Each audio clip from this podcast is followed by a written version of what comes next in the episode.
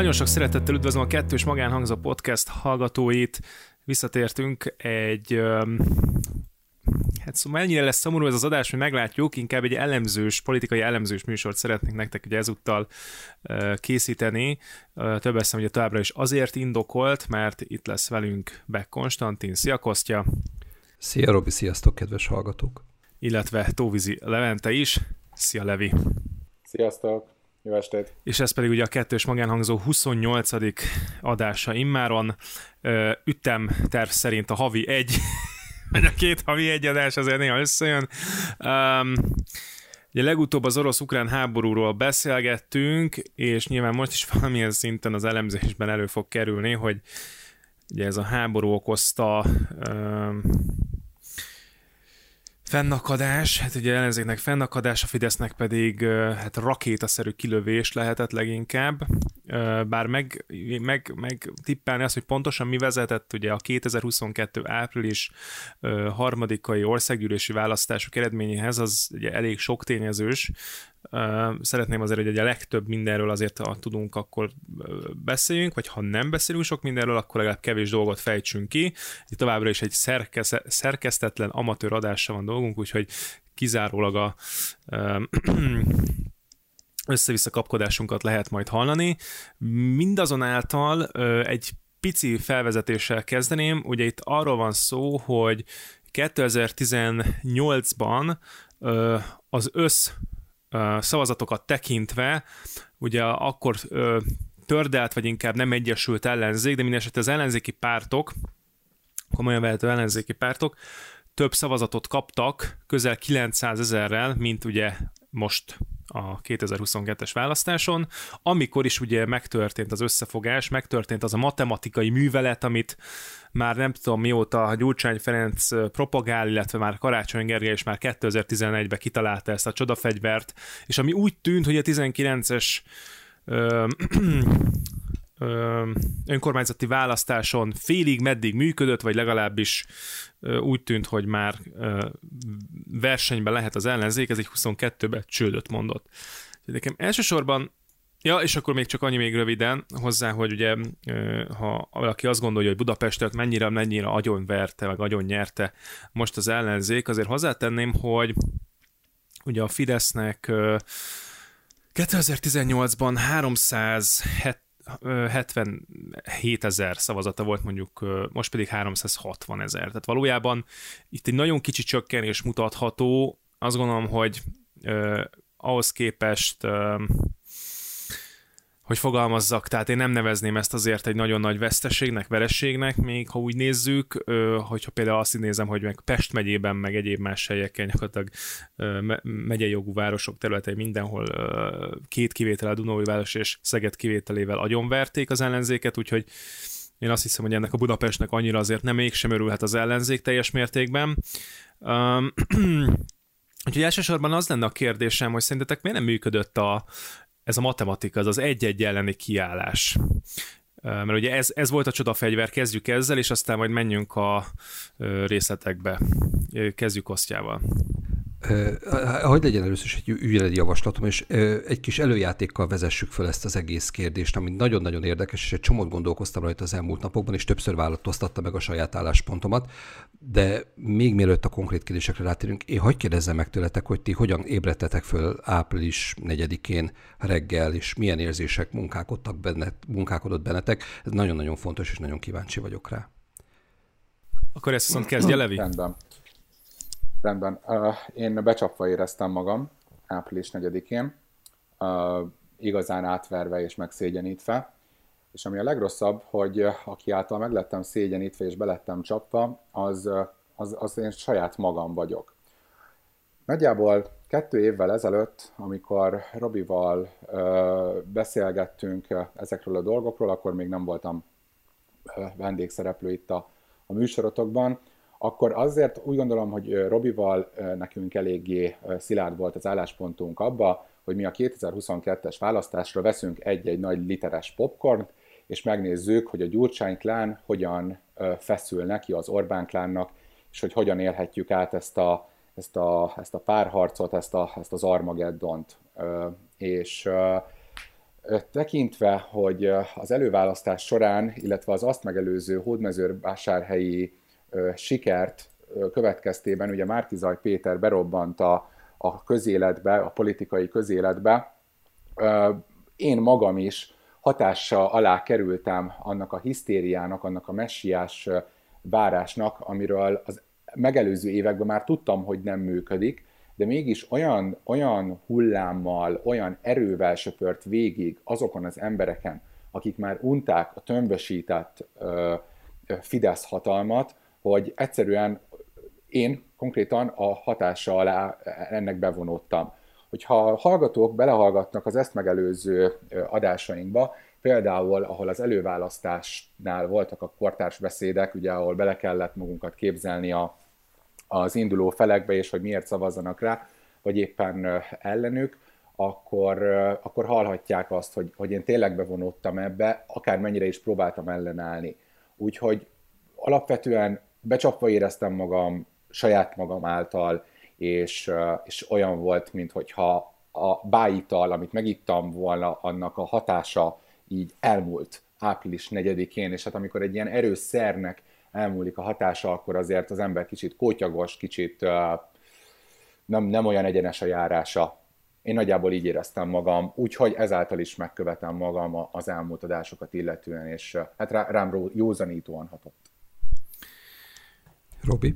Én is ezt akartam mondani, ezt a szót használni, hogy kiózanító volt. Igazából picit olyan érzés volt, olyan érzés szállt ránk a többes számba itt ugye a egy hasztartásban élő felnőtt korú és szavazójoggal rendelkező egyénekre, hogy Használjuk talán a feleség szót. Hiszem, feleség, édesanyám, igen, ilyesmi, úgyhogy igen, ők. Szóval, hogy nem, nem mondhatom azt, hogy nem, nem keserűség, nem szomorúság, ugye, mert én nem tartom magamat például kifejezetten ilyen szektás Orbán gyűlölőnek, tehát ilyen szempontból én nem akarok keret vágni egy ilyennél. A felismerés, hogy, hogy buborékban élek, és az véleményem még csak 50%-ban sem jellemzi a társadalmat, magyar társadalmat, az nagyon kiúzanító. Tehát ez, ez iszonyatosan durva. Ö, és egyébként engem az vezetett meg alapvetően ezzel kapcsolatban, mert hogy itt arról volt szó, hogy a 2018-as összeellenzéki szavazatokat összeadjuk, akkor az még több is, mint a Fideszé. Ugye, tehát volt ez a mantra. Na most a probléma az, hogy úgy tűnik, hogy a kettő meg kettő az a politikában nem négy, hanem mínusz egy. Most ez nagyon úgy néz ki, hogy ez, ez történt, és én mindig is tudtam, hogy a matekkel önmagában nem lehet nyerni, mert a mögé tartalmat is kéne rakni, amit azért összességében ez a konstrukció nem tudott megtenni, illetve már az is egész olyan vicces volt, hogy megtisztult ellenzékről beszéltünk, amikor a top 10-ben ott van a ö, ö, volt ex-miniszterelnök, aki hát, Puzsér szavaival élve elveszejtette a harmadik magyar köztársaságot, tehát, tehát, és még számtalan hozzá hasonló, de ö, tulajdonképpen a legszörnyűbb mégiscsak az volt, hogy hogy rájöttem arra, hogy vagy elkezdtem azon gondolkozni, hogy lehet, hogy nem is nekem van igazam. Lehet, hogy nem is én állok a jó oldalon. Lehet, hogy ez az erkölcsi magaslat, amiben itt sokan, és egyébként azért úgy gondolom, hogy nálam azért a, a, a még liberálisabb, még belpesti értelmiség, meg még inkább érzi magán ezt a, ezt a küldetéstudatot, hogy fel kell szabadítani a mucsaiakat. Na, tehát, tehát, tehát én nek, ennek szerintem csak a negyedét érzem maximum, de hogy, hogy azért így erre rossz volt rádöbbenni, hogy kisebbség vagy a saját országodban. Jó, akkor én is elmondom, hogy én hogy éltem meg ezt az egész dolgot. Azt hiszem, hogy ezt javítsatok ki, hogyha tévedek, de szerintem a Márkizaj Péterrel kapcsolatban talán hármunk közül én voltam a leginkább szkeptikus. Azt tudni kell, hogy ugye beszélgettünk még a, a a választások előtt is, és én az utolsó pillanatig azt gondoltam, hogy a kutyapártra fogok leszavazni, majd nagyjából a, az ukrán háború és az ezzel kapcsolatos kormányzati kommunikáció volt az, ami átlökött arra az oldalra, hogy a, az Egyesült Összefogásra, nem, Egyesült Ellenzék, nem tudom milyen néven futottak, ez is elég kellemetlen, hogy annyira megegyezhetetlen és jellegtelen az egész, hogy, de minden nem, nem ez a lényeg.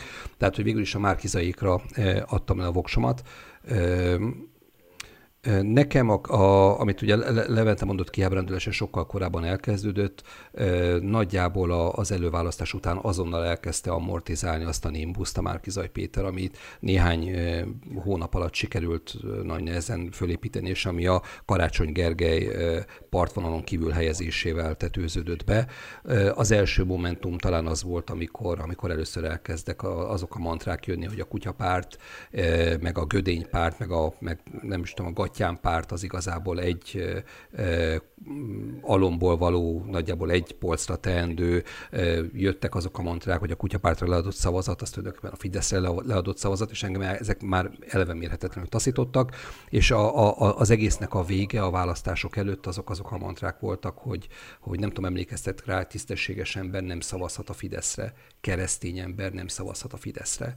Ez annyira undorító és ocsmány állítás, ami, amivel nem nagyon lehet eh, mit kezdeni. Mindezek ellenére egyébként április 4-én marhaszarul éreztem magam, és nagyon-nagyon nagy hálával tartozok a Gyurcsánynak és a Jakabnak, akik a, a választások utáni beszédeikkel e, tulajdonképpen meggyőztek arról, hogy jól van ez így, e, ahogy van, és jól történtek azok a dolgok, ahogy történtek, mert, mert nyilvánvalóan e, ordinári nagy probléma lenne, hogy ezek az emberek újra hatalom közelébe tudnának kerülni. Vagy nyilván ezekről a beszédekről fogunk még egy kicsit többet mondani, de nagyjából ott állt helyre bennem, a, a, ott békéltem meg ezzel az egész helyzettel teljesen.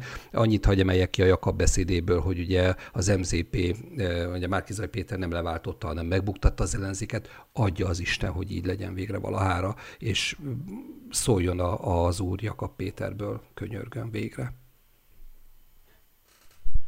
Ugye nem csak Jakab Péter, hanem Feri is rögtön megpucsolta Márkizaj Pétert, kicsit szofisztikáltabban, ugye, ugye újra előjött a kapitány Dumával, és olvastam egy nagyon jó kommentet, illetve nem is én, hanem, hanem a feleségem, aki elmondta ezt a kommentet, mégpedig az volt, hogy hát igen, azért jó ez a hajós kapitány példa, mert ugye a, azt, azt a, a, hogyha süllyed a hajó, azt tényleg a kapitány hagyja el utoljára viszont a patkányok először.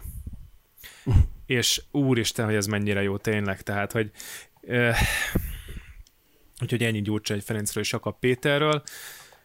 Um, úgyhogy vissza... Még bocsánat, hogy már a Gyurcsány beszéd szóba került, a Gyurcsány szájából elhangzott nagyon sok uh, dolog, vád az MZP-vel kapcsolatban, és ezek között ott volt az, hogy uh, ugye Márkizaj Péter gyáva. Hát ha egy dolgot nem lehet elmondani Márkizaj Péterről, az az, hogy gyáva lenne millió egy borzalmas rossz dolgot el tudok róla mondani. Alapvetően tehetségtelen, dilettáns embernek tartom. Rászavaztam az, el, az előválasztáson egyébként, e, teszem hozzá, de ez mondjuk nem az én tisztállátásomat, hanem a, a, az opciókat minősíti inkább.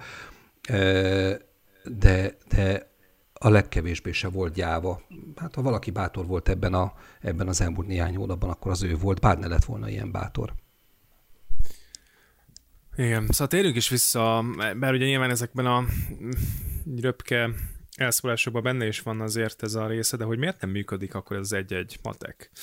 Tehát eh, ez volt a 2000, ugye ráfogták a kutyapátra, ráfogták az LMP-re, ráfogták volna Gáborra, hogy ha, ha összefogtunk volna, meg lehetett volna akadályozni legalább a kétharmadot, de akár még nyerni is lehetett volna.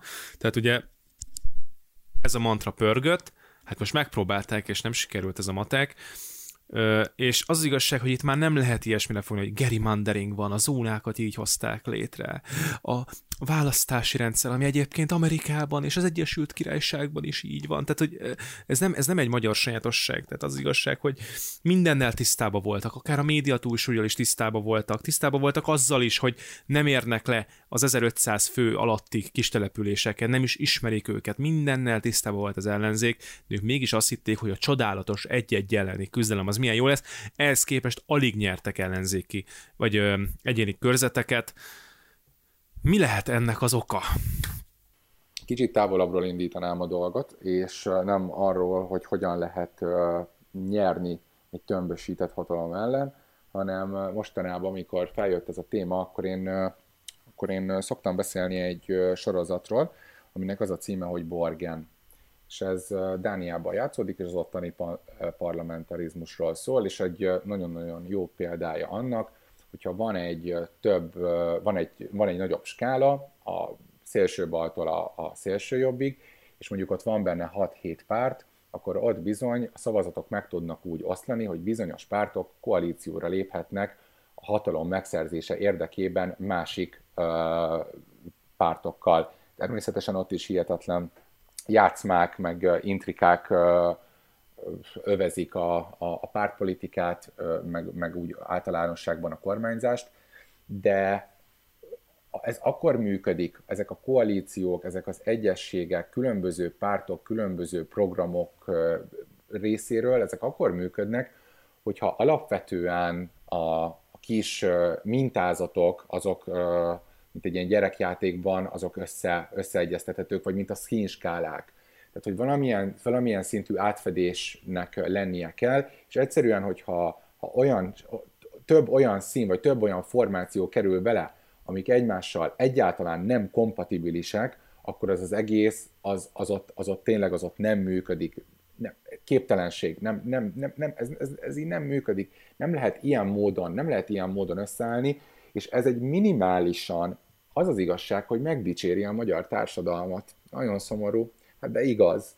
Mert ez bizony ö, politikai ideológiáknak az előrenyomulását és fontosságát jelenti még mindig, mert úgy tűnik, hogy nem elég a tömbösített Orbán fóbia uh, ahhoz, hogy el tudják fogadni ezeknek a pártoknak külön-külön a szavazói, hogy ők egy formációba állnak össze. Én, én nem gondolom, hogy most az elmúlt fél évben, két évben, négy évben vagy nyolc évben kellene keresni a hibát a magyar ellenzékben, hiszen nem kell keresni, hát rengeteg van, itt van az asztalon, nem kell keresni, de hogy ez nem működik. Nem működik. Egyszerűen ez olyan, mint a gravitáció. Tehát, hogy van egy ilyen törvény. Nem működik.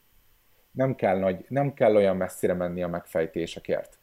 És van még ezer másik oka annak, hogy konkrétan miért alakult így a, a választás, de akkor most el, gyakorlatilag beszélhetnék a műsor végéig, annyi gondolatom van ezzel kapcsolatban, de a formációra reflektálva az a lényeg, hogy ez így nem működik, fizikai okai vannak egyszerűen. Én így gondolom.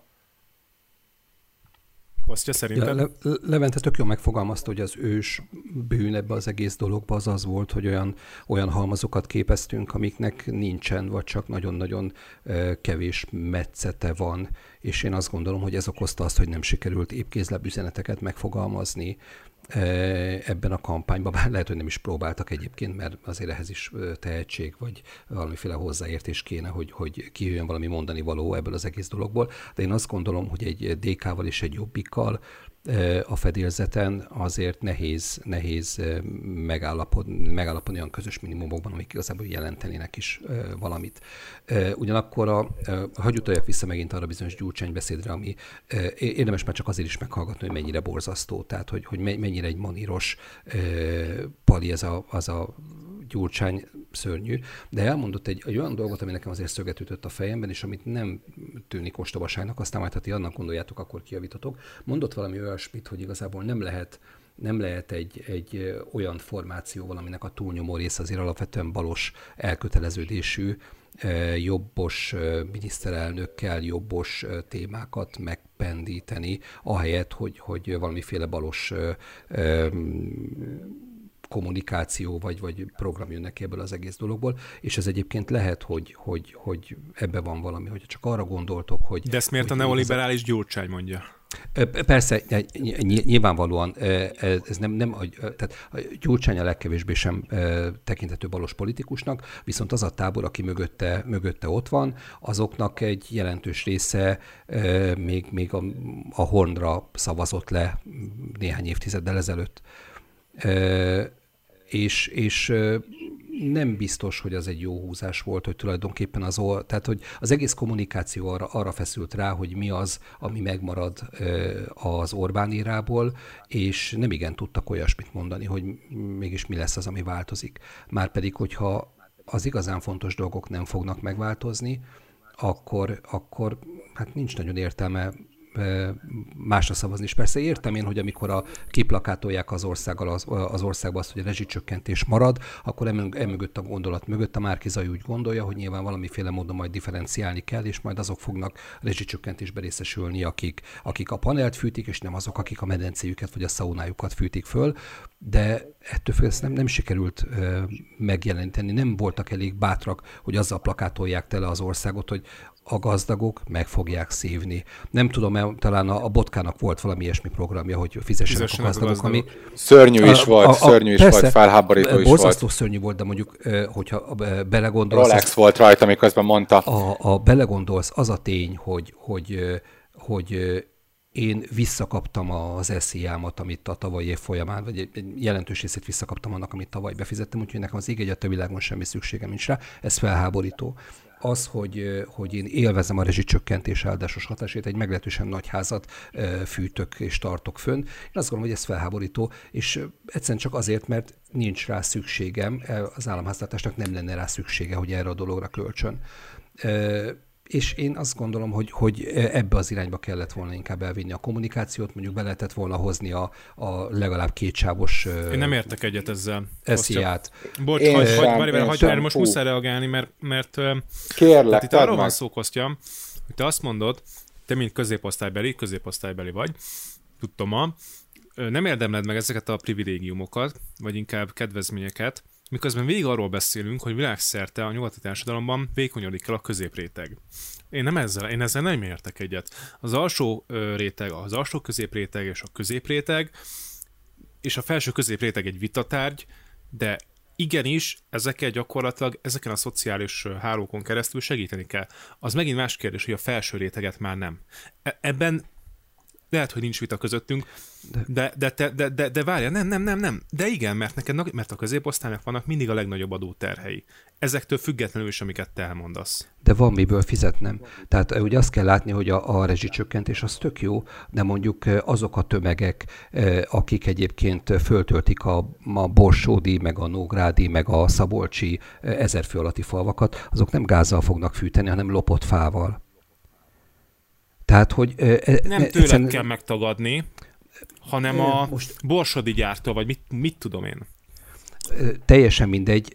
A, a, a Márkiza interjúban ezek a dolgok azért fölfölmerültek, de nem sikerült teleplakátolni ezzel a, az üzenettel az országot. Ahogy nem sikerült teleplakátolni azzal az üzenettel se az országot, hogy gyerekek, a következő négy éves ciklus végén nem fogjuk visszafizetni az esziátokat.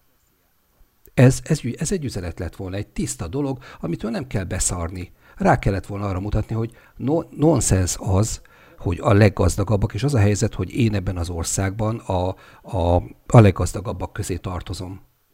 A teljesen átlagos középosztálybeli fizetésemmel. Tehát a, Na.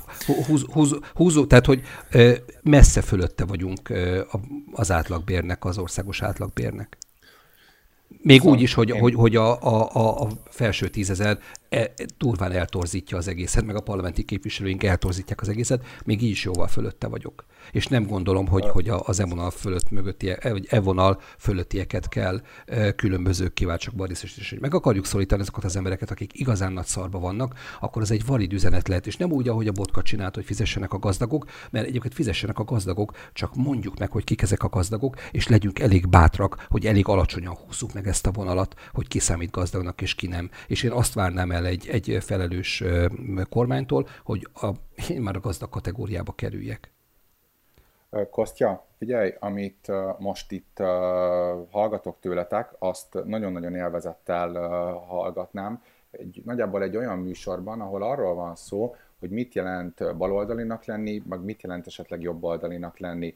De ilyen szempontból, a választási eredmények szempontjából, amik itt most elhangzottak, körülbelül olyan, olyan mint hogyha úgy próbálnánk megérteni azt, hogy konkrétan ez az összellenzék most miért kapott ki, mint hogyha arról vitatkoznánk, hogy a gyerek, aki egyes kapott az iskolába, azért kapott egyest, mert három héttel ezelőtt a szülei nem jól szervezték meg, hogy majd a dolgozat előtti napokon majd kimegy érte a suliba, és játszhat-e másnap az unoka testvérével.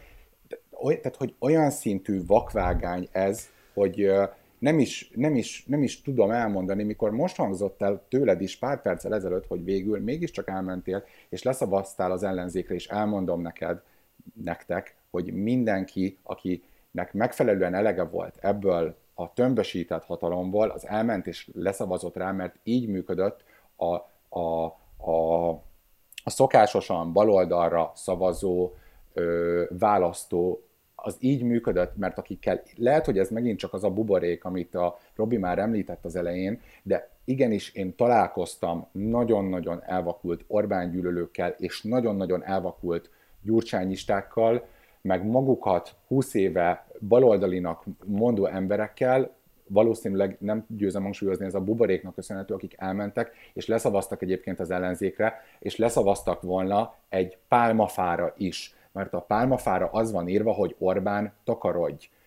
Nem, ezt, nem ezt szervezte meg a választókat. A választókat azt szervezte meg, hogy van egy, egy államhatalom, amihez mi hozzá vagyunk szokva, hozzá vagyunk szokva a patriarchális berendezkedéshez, illetve van egy ellenzéki tábor, amit meg az Orbán Viktor elleni gyűlölet szervez meg. És ennyi. Jó, Igen. de akkor most arról beszélünk, hogy nem volt üzenet. Én megfogalmaztam egy lehetséges üzenetet. Nincs az az, üzenet, nincs az az üzenet, ami egy darab szavazattal is többet okozott volna az ellenzéknek nagyon, font, nagyon, nagyon, nagyon, nagyon fontos látni azt, hogy minél jobban belemegyünk ennek a szerkezetnek a belsejébe, és megpróbáljuk megérteni, annál messzebb kerülünk a megoldástól. És ez most egy ilyen nagyon-nagyon negatív ö, hozzáállás a részemről, és akkor itt még lehet, hogy még mindig az a csalódottság, nem, a, nem az ellenzék vereségének a csalódottsága, hanem az, hogy a mikrokörnyezetem is, akikkel négy éven keresztül beszéltünk arról, hogy mennyire korrupt ez a, ez a, ez a hatalom, de, nem, nem, de, de, de mégis sikerült rászavazniuk. Tehát tulajdonképpen, tulajdonképpen arról van szó, hogy az, abban a mikroközösségben, ahol próbálom mondjuk kifejteni a véleményem, amikor szó kerül róla, őket nem sikerült annyiról meggyőznöm, nem arról, hogy ez az ellenzék így megfelelő, hanem arról, hogy ez a kormány így nem jó. De oké, okay, de mi, miért gondoljuk azt, hogy a gyurcsányjal felállt ellenzék és a nyilvánvalóan a saját beszédeibe folyamatosan belegabajodó Márkizai egy megfelelő alternatíva lenne? Tehát ahhoz, a, hogy... Le, a, a, a, azzal, azzal, azzal, van baj, azzal van baj, hogy egy kicsit, amikor ezt mondod, akkor az az érzésem, hogy szíved szerint te is egy olyan emberre tudnál szavazni, akit el tudnál képzelni a magyar kormányon a következő 40 évben. És nem tudnál azzal kiegyezni, hogy kapja meg most egy, egy inkompetens jelölt, mondjuk Márkizaj Péter, és azzal már megbillenjen annyira az asztal, hogy lehet, hogy négy év múlva leváltható. Lehet, hogy négy év múlva az leváltható, aki leváltotta, mert egy egészséges demokrácia úgy működne, hogy ezek jönnek, mennek. És és, nem, és én nem egy olyan embert akarok látni, aki megint a következő 40 évre bitorolhatja el a magyar emberek lelkét. Vagy az, a, az inkompetens brigád megbukik négy év alatt, és egy akkora rohadt nagy Orbánt eh, kapunk vissza a nyakunkba, akit aztán már tényleg a büdös életben nem lehet innen elszabadni. Ez így van. Ez így van, ez így van. Ez, ez, ezzel, ezzel viszont már teljesen egyetértek, ezért is uh, hát ne, én nem azt akartam mondani ezzel, hogy én tudna, tudom, hogy mi lenne a megoldás, csak az, hogy még, nem, még mindig nem látok olyan, olyan, olyan szemszöget, ami, ami egy kicsit is a megoldás irányába lökhetné ezt, vagyok. A, ezt a dolgot, de biztos, hogy nem az, hogy nem lesz SZIA visszatérítés plakátokon. Igen, ez szerintem is uh, jó, semmi csak, tehát, hogy, hogy szerintem az mindig, tehát azon lehet vitatkozni, hogy egyébként jó dolog-e, vagy nem jó dolog esziát visszafizetni, vagy jó dolog azt mondani, hogy figyelj, hogy hát az átlagbér fölött vagy, akkor a rezsicsökkentésnek csak az 50%-át fogod megkapni, és hogyha mit tudom én, még plusz ennyi az egyfőre első jövedelem áztatásodban, akkor, akkor nulla. Tehát, hogy ez, ez lehet egy vitatárgya. Szerintem az, hogy egy politikai formációnak kell egy egyértelmű üzenet, azon túl, hogy Orbán lop, ez, ez, ez, ez szerintem nem, nem lehet kérdés. Ez egyszerűen csak megsporolták azt, hogy meg kell egy üzenetet de volt. fogalmazni. De Kostya volt. Föl, föl, fölült a populizmus Na vonatra a Márki Zaj, azokkal a, a, a migráns számlálós plakáttal, plakáttal, meg fölült a populizmus vonatra a, a marad a rezsicsökkentés, meg a marad a kerítés plakátokkal. Jó. És populizmusban nem lehet Orbán Viktorral Na. versenyezni. Volt a, azzal egyetértek, hogy nagyon meg töredezett volt a, a kommunikáció, tehát messze nem működött olyan öm, olajozottan, mint ugye a, a Fidesz kommunikáció. Ez, ez teljesen egyértelmű, de azért összességében mindenki tudta, hogy az egységben a Magyarországért, ö, na, én meg tudtam érzni, vagy tekintsük inkább összemogás, összefogásnak, összefosásnak, összemoslékozás, bárminek hívhatjuk őket, mert mindegyik igaz rájuk. Szóval, hogy ők valójában a, a soha nem létezett nyugatot akarták kínálni Magyarországnak, amit megbukott 2004-ben, miután ugye beléptünk az EU-ba, és kiderült, hogy nem nyithat bárki cukrászdát Bécsben, ami, ami megbukott 2015-ben, amikor kiderült, hogy Orbán Viktornak volt igaz a migráns permenekült kérdésben, és ami még jó párszor meg fog bukni valószínűleg egyébként összességében a Covid kezelésben is mert a, az inflációgerjesztő pénz, pénzrátételes gyógyítás nem működik, úgy tűnik az ilyen helyzetekben sem.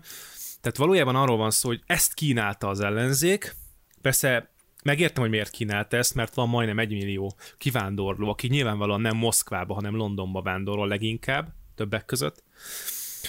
De ettől függetlenül ők ezt kínálták, és a Viktorek, Viktorék már felépítették ezt, és az, és az emberek, akik a valóságban élnek ellentétben az ellenzékkel, vagy az ellenzéki szavazókkal, ők tudják azt, hogy, hogy azért ez nem így működik, hogy majd öt éven belül euró, meg én nem tudom, meg, meg, meg, meg ilyenek. Szóval, hogy a probléma ezzel az, hogy igazán a, és a Fidesznek a kommunikációja, meg, meg főleg az utolsó hetekben a háború vagy béke kérdésével, az egy sokkal elementárisabb üzenet. Az sokkal inkább, tehát hogyha egy Maszló piramist elképzelünk, akkor a kelet vagy nyugat, az valahol nagyon felül van. Egy ilyen identitáspolitikai kérdés is lehet. De a, de a béke vagy háború, az a Maszló piramis első lépcsőfoka.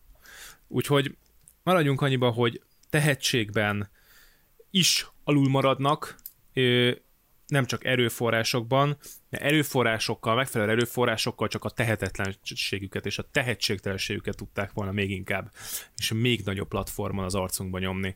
És ami megint csak elmaradt, és ebben Siffer Andrásnak van igaza, 2014 és 18 között euh, még voltak euh, kis településeken is alapszervezetei a pártoknak, ma már nincsen. Tehát nincs olyan ellenzéki politikus helyben, akiben megbíznának az emberek, és innentől kezdve nem fognak szavazni az ellenzékre. Nem most a kis településekről beszélsz, de valami történt Budapesten. Egy kurva nagy pofára esés, ha úgy tetszik. Ennek mi az oka? Pofára esés alatt mit értünk? Hát hát nem, nem sikerült megugrani a 2018-as számokat. Én most nézem Például. egyébként az ellenzéknek. Igen.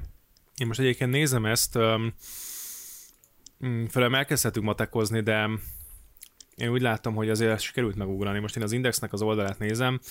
Budapesten a négy, na, ö, ha úgy nézzük a budapesti listán, vagy a budapesti összavazatok, az 421.744 szavazat egyébként. Tehát ez, ez, ez szerte most el a egységben Magyarországért, és ugye emögött van a Fidesz 368 ezerrel, és 2018-ban Mm, ugye itt most töredék szavazatokról beszélünk, akkor párbesz, a MSZP párbeszédnek volt 178 ezer, a Jobbiknak 128 ezer, az LMP-nek 107 ezer, DK-nak 85 ezer, Momentumnak 56 ezer, és így tovább. Most én nem adnám össze ezeket a számokat, én is úgy tudom, meg úgy olvastam, hogy ez összességében kevesebb, tehát Budapesten csökkent az ellenzéknek a támogatottsága, de mivel itt, a, na, itt, itt működött egyedül igazán a matek, mert itt azért a 18-ashoz képest, ahol volt 3, 4, 5, 6 választókerület, ahol nyert a Fidesz, most meg csak kettőben nyertek, ennyi. Tehát Budapesten tudnak kampányolni, mert itt még maradt, maradtak szervezeteik, de például már nem tudom, Miskolcon, ahol, amiben még 14-be is tudott az MSP nyerni, úgy kikaptak, mint a szar. Tehát ezeken kéne elgondolkodni. Jó, de Miskolc az, aki mondott ezer fő alatti eh, kis település. Mi a kérdés még egyszer, bocsánat? Nem, nem kérdés volt, csak hogy Miskolc az, aki mondott ezer fő nem, kis Nem, település. nem, most csak hirtelen egy ilyen összehasonlításra emlékszem, hogy ezeket így mikor nézegettem, de ettől függetlenül is kikapnak ezeken a kis településeken, és egyébként Miskolcon is, tehát ahol azt gondoljuk, hogy hát jó, Miskolc, Miskolc észak Magyarország, de azért mégiscsak Miskolc, de teljesen mindegy, mert kikapnak más megye székhelyű városokba is, tehát Szegedet mondjuk leszámítva, és ennyi. Azt mondjátok meg nekem, kérlek, arra válaszoljatok, hogy ha az elmúlt négy évben csodával határos módon itt a, letettek volna ide a magyar társadalomba egy formációt, ami nem is tudom, nem is tudom, hogy milyen ideológiát mondjak, mert megint nem akarok erre a voksmatekra rámenni. Itt lett volna itt egy olyan formáció, ami mondjuk nekünk, az elveinknek, a mi, ahonnan mi nézzük a mozit, tökéletesen megfelel, tényleg nyilatkozataiban, támogatottságában, tényleg mindenben, akkor szerintetek, és elvégezték volna azt a munkát, hogy legyenek szervezeteik a kisvárosokban, kis településeken, akkor jelenleg le, tudtak volna nyerni a Fidesz ellen, vagy, vagy, a, vagy, vagy alapvetően azért a, a, a Fidesz propaganda, alapvetően az önkormányzatok kiszolgáltatottsága, meg, meg, meg az a beágyazottság, amit a Fidesz jelent most az emberekben, tekintve, hogy én beszéltem olyannal is, aki gyakorlatilag azt mondta, hogy hát elment, leszavazott a Fideszre, amúgy ő nem nagyon követi a dolgokat, de elment, mert elmenni leszavazni a Fideszre az egy kicsit olyan, mint nem tudom, megvenni az esernyőt szeptember 1-én. Szóval, hogy így hozzá tartozik a mindennapokhoz. Én ilyennel is találkoztam.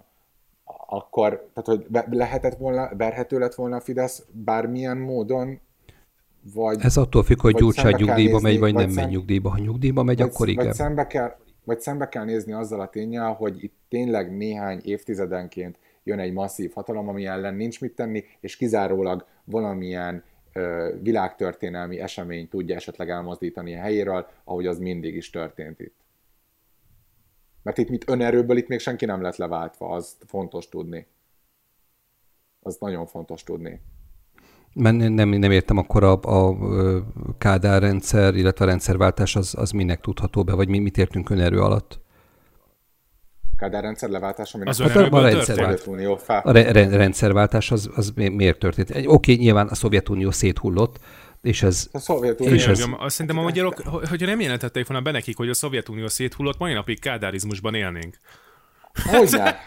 Hát, Hát hogyne, hogyne, a Szovjetunió felbomlása, a vasfüggöny lehullása és a globalizáció megindulása hozta el a rendszerváltást, a, meg, az Or, meg, a, meg az Orbán beszédjét, hogy ruszkik. Az, haza. ami történt a rendszerváltás alatt és előtt, az egy az egy egyik napról a másikra megtörténő, beláthatatlanul előre nem látható dolog volt, vagy legalábbis úgy éltük ezt meg, egy masszív, megmozdíthatatlan, leválthatatlan erő egyik napról a másikra nullára polladt és persze ehhez kellettek olyan nem geopolitikai történések, amik történtek, de hogy ezt igazából nem látta senki előre, és nem, nem, ez nem igaz, nyilván, tehát most a, a, az átlagember ezt nem látta előre, hogy ez meg tud, meg tud történni, és mégiscsak megtörtént. Ez egy fantasztikus, katartikus élmény volt, és ráadásul egy rohadt puskalövés nélkül ez megtörtént. Én, én őszintén hiszek abba, hogy ha egy olyan ö, ö, közegben élnénk, ahol az ellenzékből ki tud nőni, vagy a, a jelenlegi ellenzék mellett ki tud nőni egy olyan erő, aki, aki erkölcsileg a megfelelő szinten áll, független Gyurcsánytól, független a, a, a, az elmúlt 30 év mocskától, az, az igenis kihívója lehet Orbán Viktornak. De egészen addig, amíg Gyurcsány Ferenc politizál, ez a dolog nem fog megtörténni. Mert vagy Gyurcsány... Teszed, akkor, akkor az a válaszod, várjál, akkor, várjál, akkor lefordítom, akkor az a válaszod, hogy igen, ez, ez, ez, ez a ellen, azért még ezt az ellenzéki szót merjük már használni a jelenlegi ellenzék mentesen. Tehát Én nem egy, merném. Megjelenhet egy olyan ellenz... Nem mernéd? Erodálódott a szó? NER C csapat. Jó, oké. Okay. De én most úgy értem az ellenzéket, hogy a kormány ellenzéke. Akkor nem a kormány, és nem is az ellenzék. Nem tudom, akkor majd kitalálunk rá valami szót. Öh. Szefogás. Össze... tehát, hogy, tehát, hogy szerinted, szerintetek, akkor, de nem most akkor téged kérdezlek, akkor szerinted van, van erre lehetőség? Úgy gondolom. Én azt gondolom, hogy csak erre van lehetőség, semmi másra nincs lehetőség. De most mondtad, hogy a rendszerváltás is gyakorlatilag egy egyik pillanatról a másikra megtörténő dolog volt. Tehát, hogy Persze, de, de, de ahhoz kell, kell egy uh, potens... Uh, egy Szovjetuniónak a széthullása kellett. Mm, igen. Azt nem gondolom, hogy bárminek a széthullása kell. A, tehát, a, a, tehát ugye az egy teljesen, én hoztam be ugye ezt a, a hasonlatot, de igazából teljesen rossz hasonlat volt. Azért ott volt egy olyan szintű függés, ami talán még most sem mondható el Magyarországról. Tehát nyilván, amíg a Szovjetunió egybe volt, addig nem volt arra mód, ha csak nem akartunk újra e, szovjet tankokat Budapesten, nem volt arra mód, hogy ez a dolog, hogy ez a rendszer ez, ez eltakarodjon. Orbán esetében erre én azt gondolom, hogy nincsen szükség. Egyszerűen egy, egy megfelelően kihívó kell, aki, ahogy mondtam az hmm. előbb, erkölcsileg megfelelő, és kellően karizmatikus. Két ilyen karizmatikus ember termelődött ki az elmúlt időszakban. Mind a kettő egyébként nyilvánvalóan e, szociopata, e, súlyosan narcisztikus e, és ripacs, az Orbán és a Gyurcsány. És szerinted, bocsáss, Robi, már is visszaadom a szót, elnézést, a, akkor szerinted, hogyha ez megjelenik, akkor őróla nem lesz az elmondva, amikor megjelenik ez az erkölcsi uh, imperatívuszt, megszem, megtestesítő személy, akkor róla nem fogja elmondani a Fidesz propaganda azt, hogy ő Soros György eltitkolt fia a Hawaii szigetekről, és azért jött, hogy porig rombolja Magyarországot, és, és nem is fogják ledarálni. A, hagy kérdezek vissza erre. Értem, hogy mit mondasz, nyilván el fog ez hangozni. Mennyi volt 2,7-8 millió szavazott le a Fideszre? Nincsenek előttem a számok. Majdnem, szerintem inkább majdnem De három. legyen mondjuk három millió ember leszavazott a Fideszre. Szerintetek, és ez most egy, egy valid kérdés, a három millióból hány százalék szavazott le azért a Fideszre, mert benyalták a, a három másodperces Márkiza interjú, vagy Partizán interjú kivágásokat? Két millió. Oké. Okay. Rendben, ez, ez, ez tök jó, hogyha az egy millió ember nem szavaz le a, a Fideszre, ha nem leszavaz a, az ellenzékre, akkor már más alányzónak a fekvése. Nem, mert abból az 1 millióból még 500 ezer azért szavazott le a Fideszre, mert amiért szeptember 1-én esernyőt vesz. Oké, okay, értem, és másfél millió meg nem ment el választani. és most megint csak bedobtam egy, egy számot, és nyilván annak is megvan az oka, hogy az emberek a, a, a hígfos és a keményszar között nem akarnak választani feltétlenül. Hát van, Tehát, van, csak a java részé azért is, mert a Mátrába mentek, mert jó idő volt az. Az a, az, az a helyzet, hogyha nem, nem hiszünk abba, hogy, hogy, hogy leváltható a, a, az Orbán Viktor azokkal, azok mentén, a játékszavaik mentén, amiket, amiket ő hozott, akkor hát akkor nagyjából hátra tehetjük a kezünket, aztán szaladhatunk neki a falnak. Én ebbe őszintén hiszek, hogy ez a dolog működhet. Nem, tehát ne gondoljuk azt, hogy az Orbáni propaganda mindenható, és ne gondoljuk azt, hogy a magyar társadalom alapvetően ostoba.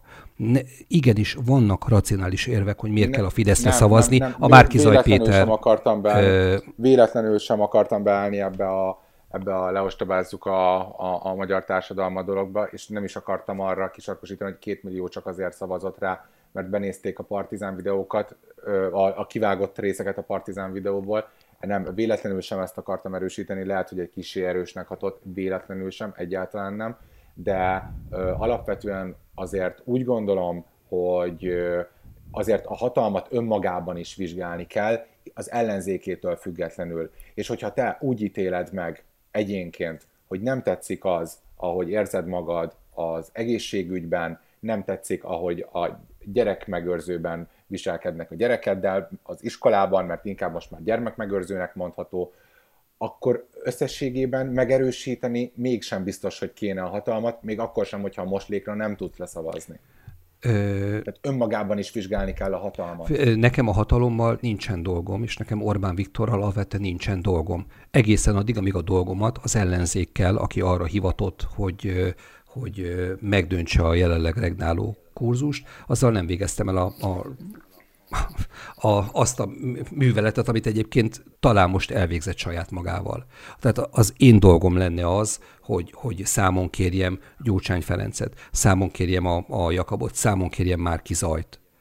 Nekem eh, Orbán Viktor tök mindegy, tőlem tök független, nyilvánvalóan semmiféle hatásom nincsen rá, sokkal inkább kéne, hogy legyen hatásom a, a, a, az ellenzéki eh, összefogásra. És az, hogy nem megyek el leszavazni rájuk, hanem leszavazok basszus negyedszer is a Fideszre, amit nem tettem meg, de igazából több mindegy, akár meg is tehettem volna. Egyébként ez egy olyan, olyan gesztus, amivel, amivel a, a, a tönkretételüket talán egy icipicit közelebb tudom hozni, és talán egy megtisztulási, megújulási folyamat el tud végre indulni ott is. Amíg ez nem történik meg, amíg Gyurcsány Ferenc, eh, eh, amíg Gyurcsány Ferenc politika, politizál, nagy politikában, amíg olyan ember, aki Gyurcsány Ferenc megdugott, politizál, illetve amíg olyan ember, aki megdugta Gyurcsány Ferencet, politizál, addig itt semmi nem fog megváltozni. És ugye akkor térjünk vissza, ki a felelős azért, ami történt. Gyurcsány Ferenc, Jakab Péter, Márkizaj Péter ebben a sorrendben, és tudom, hogy amikor a választások után beszéltünk, én a Márkizajt vettem ki, mint egyedüli főfelelős. Igazából minél többet gondolkozok, annál inkább érzem úgy, hogy ő csak a harmadik, és ez a, ez a kettő szörnyű-szörnyű ember, ez, ez egyértelműen felelőssételtő az egész ordinári puktáért. Robi, oh. még egy muszáj, muszáj vagyok reagálni, a megcsintalan Sándoros adtam.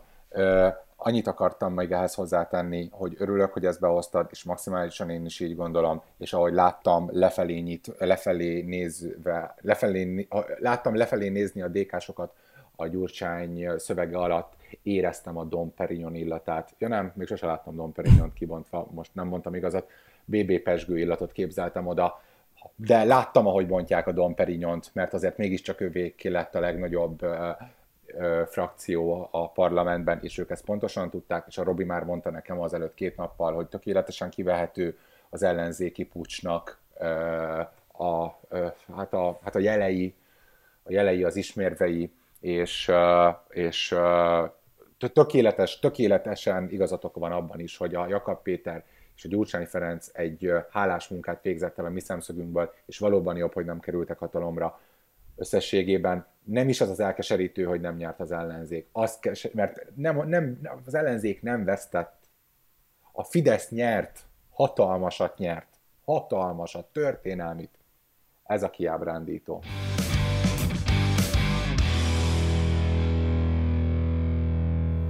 Igen, és uh, ugye 2018-ban még, még um, hetet hét országban um, rikoltozta az ellenzéki média, illetve az ahhoz tartozó szatellitpártok, mert azt gondolom, hogy már gyakran a ellenzéki média uh, nagyobb politikát és jobb politikát tud csinálni, mint a maguk a pártok, amik szerintem önállóan már be se tudnának jutni a parlamentbe, lásd LMP, párbeszéd, akár Momentum is ide sorolható vagy a jobbik.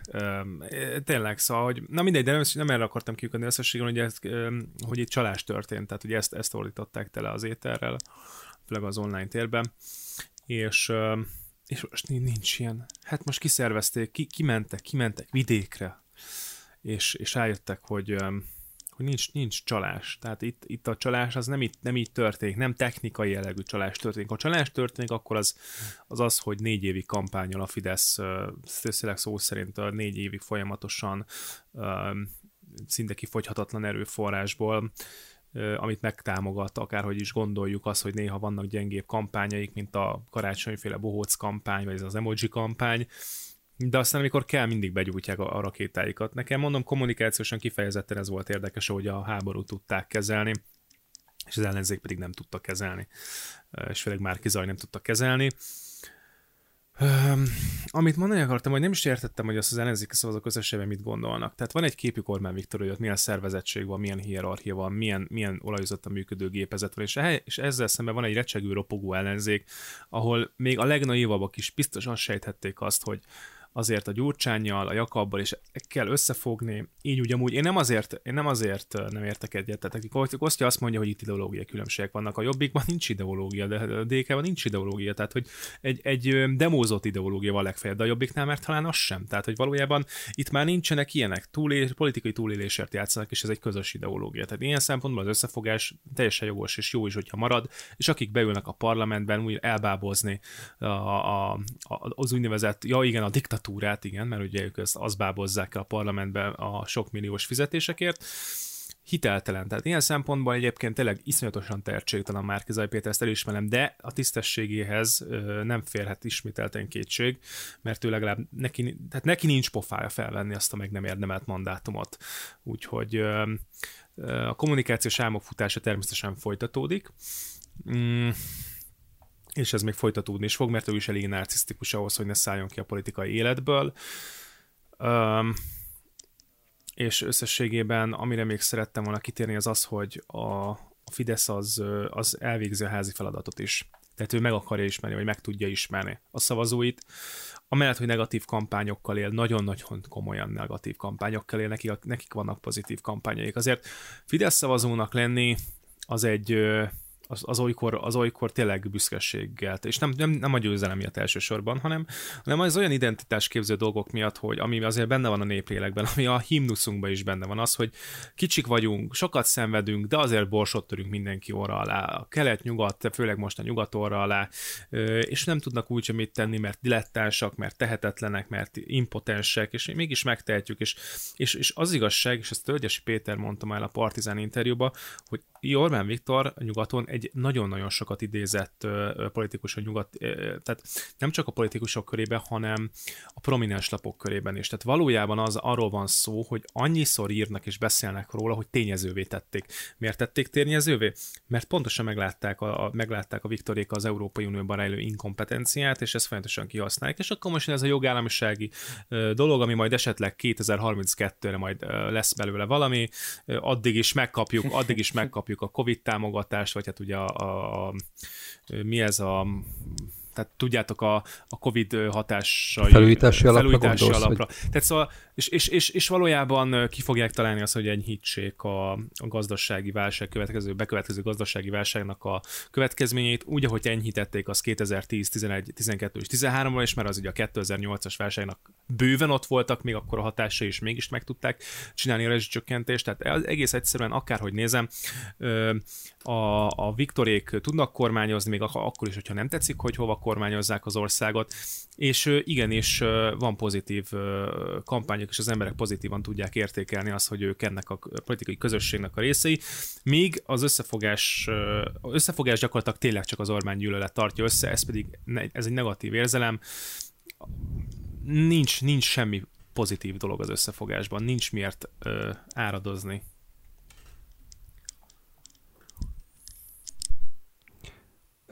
Beszéljünk egy fél gondolatot legalább a mi hazánkról és a, a mi hazánk fantasztikus parlamentbe kerüléséről, mert én azt gondolom, hogy ez a, az egész, az, hogy a bukta az ilyen, ilyen fokú bukta lett, ennek nagy részt ez, ez lett az okat. Összefügg a két dolog, a mi hazánk és a, a kétharmad erősen. Ti mit gondoltok erről? Robert? Bente? Jó, akkor elkezdem én, mert ha már, ha, ha már én dobtam föl, és nem, nem hagyom, hogy itt pingpongozatok egymással. Nem magamtól vagyok ilyen marha okos, nyilván a választás után az ember egy csomó szakértőnek az elemzését meghallgatja, és nem is tudom, talán a Ceglédi Zoltán beszélt, de le, lehet, hogy nem, nem nála hallottam azt, a, azt az érvelést, hogy hogy tulajdonképpen, és ugye, miért mondtam az előbb azt, hogy a, a kettes számú főbűnös a buktába az a Jakab Péter, ugye a, a jobbikos szavazóknak egy jelentős része talán nem volt képes lenyelni a, a, a DK-val való összefek küldését a, a jobbiknak, és ezeknek a, a csalódott szavazóknak lehetett egy menekülési útvonal mi hazánk ami tulajdonképpen a Jobbiknak a lenullázódását, tehát ezen a párt szövetségen belül a Jobbik lenullázását és a, a mi hazánknak a, a parlamentbe kerülését eredményezte, annak ellenére, hogy igazából a, a, a, az ukrán háború kihúzta a mi hazánk alól az egyetlen értelmezhető témáját. Mármint olyan témáját, amiben markánsan hmm. különbözik mondjuk a, a Fidesz által képviseltektől. Én, én inkább egy ilyen hangosan gondolkodást tudok uh, most itt uh, előadni, mint sem kiforrott véleményt. Uh, Schiffer András azt mondta, hogy vannak bizonyos dolgok, amiket kizárólag a mi hazánk uh, tudott, uh, hát így mondhatni, hogy szavahihetően, meg markánsan megfogalmazni, legyen az a Covid intézkedésekkel való kritikus hozzáállás, legyen az ehhez fűződő vakcinagyárak, gyógyszerlobbi nyomulásnak a hát a megfogalmazása, amit lehetett a mi hazánkról hallani, vagy legyen szó a, a, a cigányság helyzetéről, és hogy és az, az a furcsa, hogy Schiffer Andrásnak itt nagyon-nagyon nagyra tartok, és most így visszamenőleg megint csak hallgatni, amiket mondott, még a kiózanító hatást is emelik, vagy inkább még, még, még nehezebbé teszik. Azért én úgy gondolom, hogy ma már mindegyik politikai hazugsággyárból lehet választani olyat, ami tetszetős. Én úgy gondolom, hogy Márki Zajnak nagyon tetszetős az antikorrupciós szövege. Én úgy gondolom, hogy a Fidesznek is vannak dolgai, amik adaptálhatóak, legyen az mondjuk a családpolitika, a családtámogatás, de az még nem változtat azon az alapromlottságon, amit ők képviselnek, illetve nem változtat a mi hazánkon sem az, hogy egy én, aki konkrétan inkább mégiscsak a nyugati társadalmakhoz, meg az európai joghoz sorolnám magam, vállalhatatlan dolgai vannak a mi hazánknak. Tehát, hogy meg ráadásul nem is az a nem is a nagyon-nagyon tudatos választókról árulkodik a, a, a szavazásnak az eredménye, nem az nem az, az, az eredménye, hogy ki nyert, az, azzal nem gond, és ezt nem, és ezt nem győzöm hangsúlyozni, hanem az, hogy milyen mértékben és hogyan és milyen körülmények között, amit azért mindannyian tudunk. Vagy legalábbis sejtünk itt a saját véleménybuborékunkon belül. De a legszomorúbb az, hogy Orbán Viktor megint középen van. Tehát, hogy csodálatos, hogy még a 136 mandátumával, ami ma már 136, ez mai hír, azzal ő most középen van, van, van tőle balra, és van tőle jobbra. Úgyhogy hát kemény. Így az jutott eszembe, hogy hitelesebben képvisel bizonyos témákat. Igazából a homofóbia is egy ilyen kérdés, amit sokkal hitelesebben tud képviselni, mint mondjuk a, a Fidesz, mármint abban az értelemben, hogy mi hazánkos eres csatornás politikusról azért mostanáig nem, nem sikerült hírt kapnunk. Igen, ugyanakkor a Fidesznek megvan az a lehetőség arra, hogy ők ugye népszavazási kérelmeket írnak ki, ami nagyon mások nem szokott sikerülni az utóbbi időben.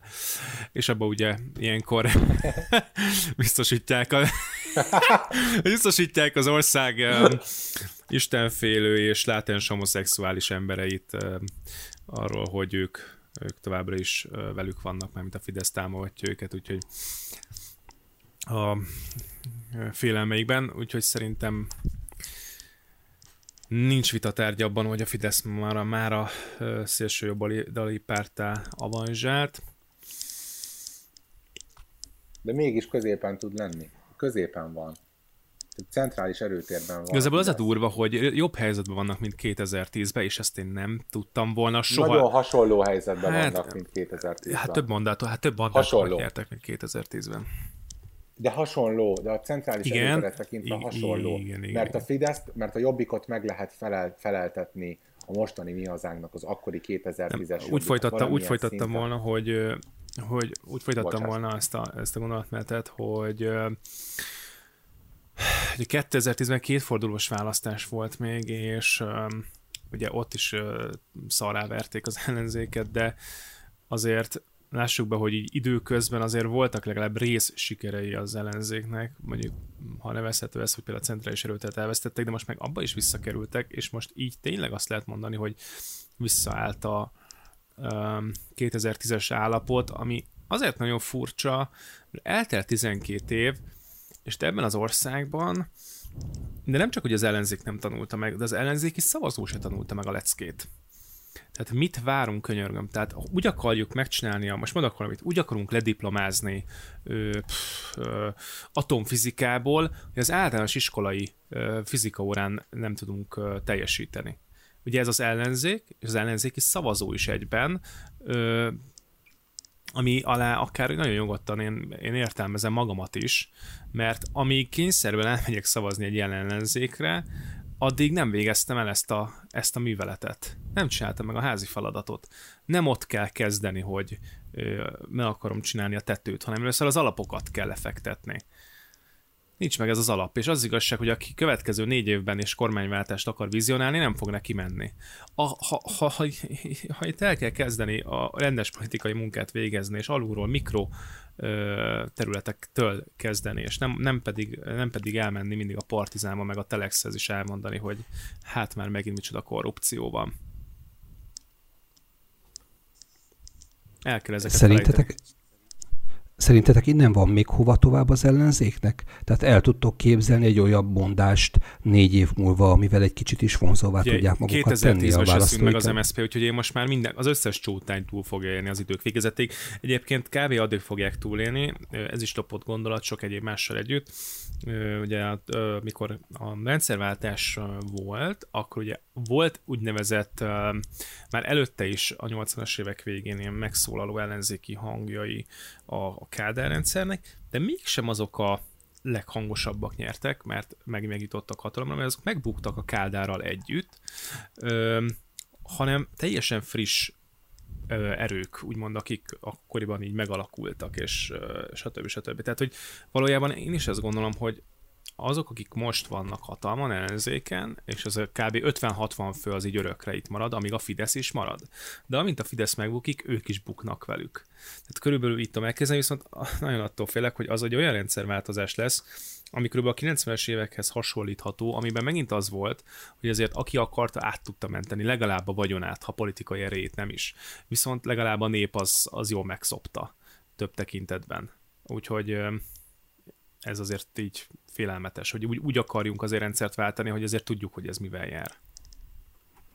A Jaka, Jaka Péter a, a bukta utáni első beszédében e, fölvázolt egy jövőt, amire készül ő is, illetve az ellenzék összefogás is, ez pedig tulajdonképpen a, az Orbán rendszer még a négy éven belül valamikor bekövetkező e, széthullása lesz, hiszen a gazdasági törvényszerűségek, meg a tudom, egyéb nyomások okán ugye nem fogja tudni Jakab szerint föntartani Orbán a rendszerét, és el, kell, el lesz majd zavarva, nem tudom, névfölkelés lesz, pucs lesz, akármi lesz, és akkor majd a Jakabék át fogják venni a, az országnak a vezetését, ami ilyesmi hangzott el.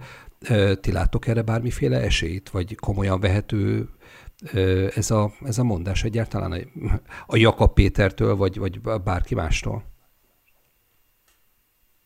Én úgy gondolom, hogy nem.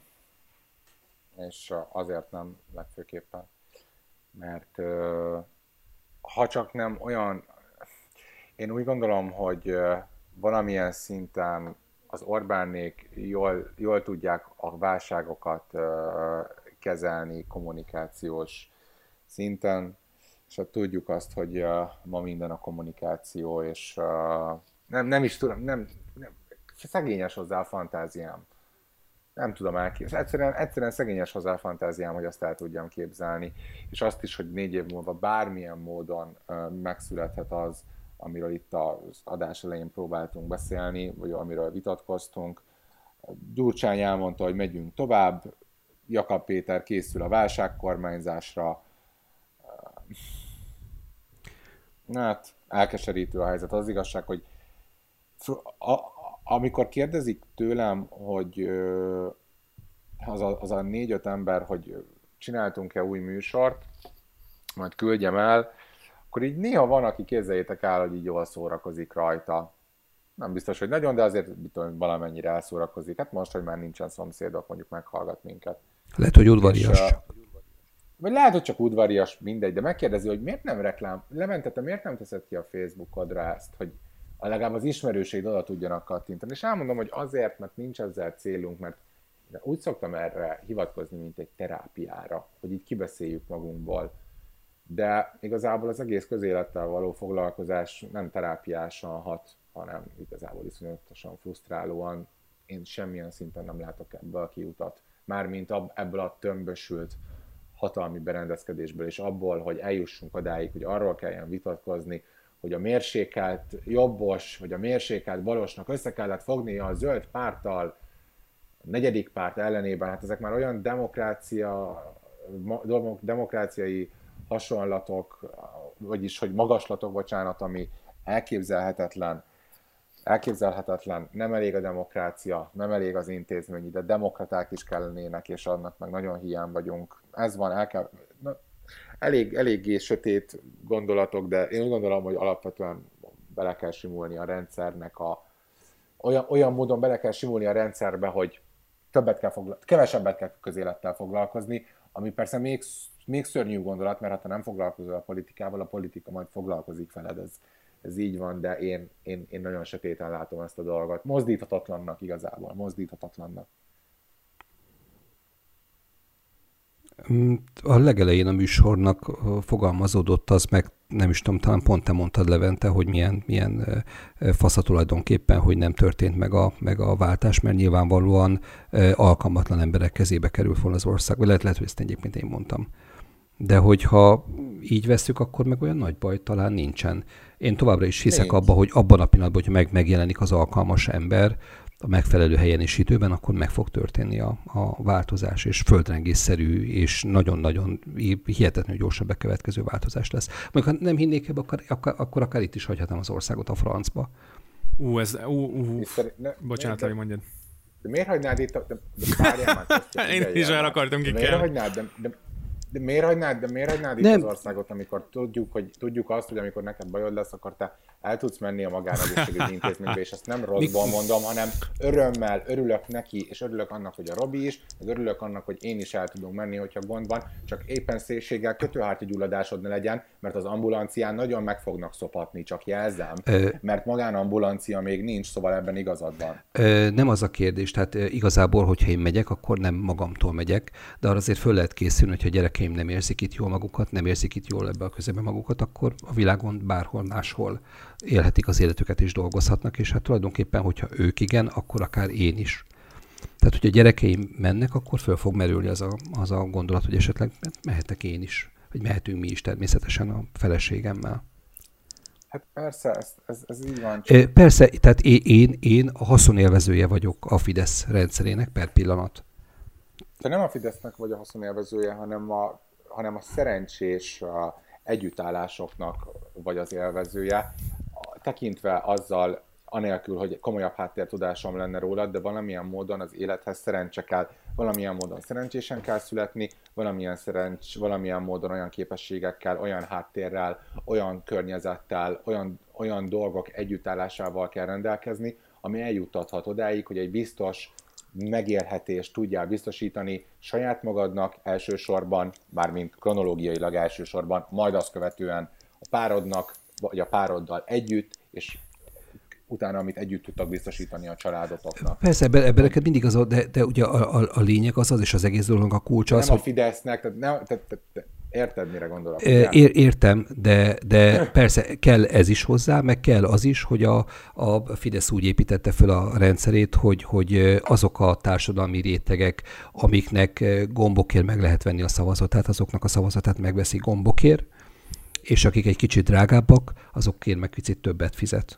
És én Egyébként... vagyok az, a, és az én szintem az, hogy az, én, az a társadalmi réteg, amiben én ben vagyok, tehát most a klasszikus, mit tudom én, városi középosztály, hát ez egy picit többe kerül.